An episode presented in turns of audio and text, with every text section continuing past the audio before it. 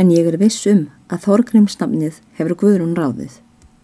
Það má hugsa sér það, en hvað um það? Frá hverjum var brefið sem þú fjagst hérna um daginn? spyrir prestkonan. Frá stengrimi, svarar hann. Er allt við sama? Allt við sama. Er leifilegt að sjá það bref? Velkomið. Þú veist að ég dýl ekki fyrir þér bref mín og þartu ekki að spyrja svo. Mér fannst þér fyrrum að þú vera nokkru dölari á þínum brefum. Og steingrimur giftir sig ekki. Nei, svarar prestur. Hann hefur það vist ekki í higgju enn sem komið er. Og Sigriður er alltaf kyrr. Já, allir einar hafi hreift nokkuð við bænum, breytt nokkru. Það er vist lítið, ekki getur hann þess. Hvað er ég annars að spyrja um þetta? Mælti prestkonan þessu næst. Ég held mig varði lítið um það. En hvað sem öðru líður, þá er ég óanægð með að festin skildi fara þangað. Ég bjóst ekki við, segir hún síðan, að Guðrún myndi láta heita Þorgrím. Meira að segja, og vænti ég þú trúir því ekki.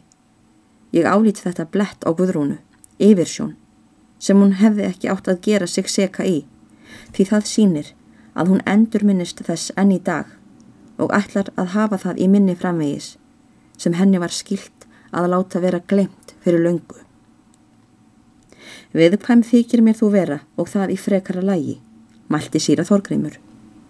Og ertu ekki síður fljót að álíkta. Þú hefur það fyrir satt að Guðrún hafi ráðið nafninu og þó er þetta mjög óvíst. Þú veist þó hver viðskipti við einar höfum átt saman, en það getur mjög vel verið að hann hafi ráðið nafninu og hún ekki átt neitt þáttið því, nema einungis þann að hún aftók það ekki. Þetta hefur alltaf verið mín ætlun að minnstakosti. En það er engin, alls engin ástæða til að egna henni það fremur en honum. Nei, þú ert alltaf viðkvæm í þessu tilliti. Og það leifir þig til að gera getsakir sem ekki ætti að vera. Jæja, mælti hún. Þú hefur þína skoðun og ég mína. Það hefur lengi verið svo. En hvað festina snertir, þá er líkast til að ég ráði minni skoðun. Þú ræður henni náttúrulega, en ég hef rétt til að krefjast að þú látir engan hugaburð villa þig til að gera mér ránt til og ég hef rétt til að ráðleika þér að gæta hens sama viðvíkjandi öðrum sem ekki hafa gert neitt á hluta þinn fyrir eða síðar. Hjónin þáðu nú aftur. Aðalstein lág sveittur í rúmi sínu undir þessari viðræðu. Svo þurrlegur og kaldur var andin í hverju orði að honum þótti fyrðu gegna. Þess þarf ekki að geta að viðræða þessi fór fram hljóðulega svo að ekki var að óttast að nokkurt orð næði að heyrast fram fyrir hurðina en það voru hústyrnar lokaðar. Aðalstein notaði fyrsta tækifærið sem bauðst til þess að gjöra vart við sig og gefa hjónunum til kynna að hann vekti. Þau urðu þess vör en það byrjiðu þau ekki máls aftur á sama efni. Hann heyri nú að presturinn segir við konu sína Viltu láta ljósið lifa lengur? Ég held þess þurfi ekki, svarar hún. Það er vonandi að barnin fá ekki fleiri flógin í nótt en þetta eina. Lengra varð nú ekki talið úr þessu. Sýra Þorgrymur slökti ljósið á borðinu. Eftir það var allt hljótt í herberginu. En aðalstveit sopnaði ekki framar þá nótt. Hann var búinn að fá of mikið um að hugsa til þess að geta sopnað aftur. Af síðustu orðanum sem prestkonan talaði, rétt áður en slögt var, reð hann hvert tilefnið hafði verið til þess að hjónin vöknudu og kvektu ljósið. Enga barni þeirra sem svaf í rúminu hjá móðurinni hafði fengið aðkast af hennum óttalega sjúkdómi sem þjáði það og var aðalstinni kunnugt að það hafði oft komið fyrir áður þótt hann sem svaf vært væri ekki vanur að vakna við það tilefni endranær. Síðan er flóið var af liðið og sveitnin sopnaður aftur. Hófst þetta samtal er aðalstinn þó ekki heyrði frá upphafi og hvílikt var þetta samtal.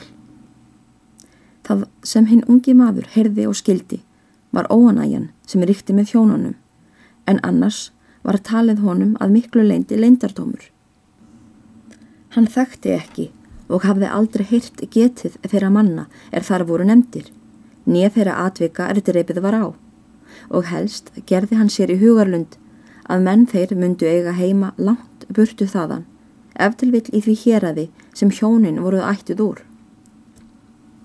Ekki gatan heldur en eitt ráðið í það samband er þeir menn kynni að standa í við þessu hjón með því hann hafði ekki heyrt þau nefna neitt þar aða lútandi endranær.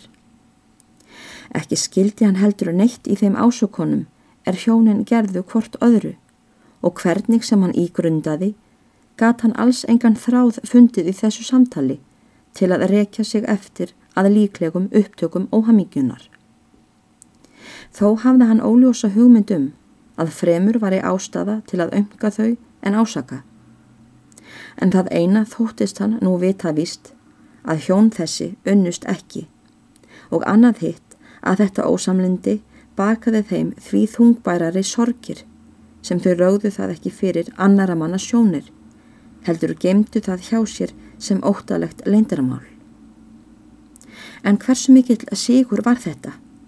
Hver mikla hugpríði laud það að þið kosta? Aðalstein varpaði von bráðara þessum hugsunum frá sér. Dæin eftir voru hjónin eins og þau áttu að sér og sá engin merki þess að neitt hefði komið fyrir um nóttina. Nema það eitt að prestkonan gat þess fyrir fólki sínu að Benedikt hefði vaknað við flók þá um nóttina sem oftar. Síðan leið öllu við sama. Aðalstein hjælt áfram bóknámi sínu með tilsögn síra Þorgrims og kostaði kaps um að koma sem best undirbúin í skólan og leið svo að veturinn að ekki bara fleira til tíðinda.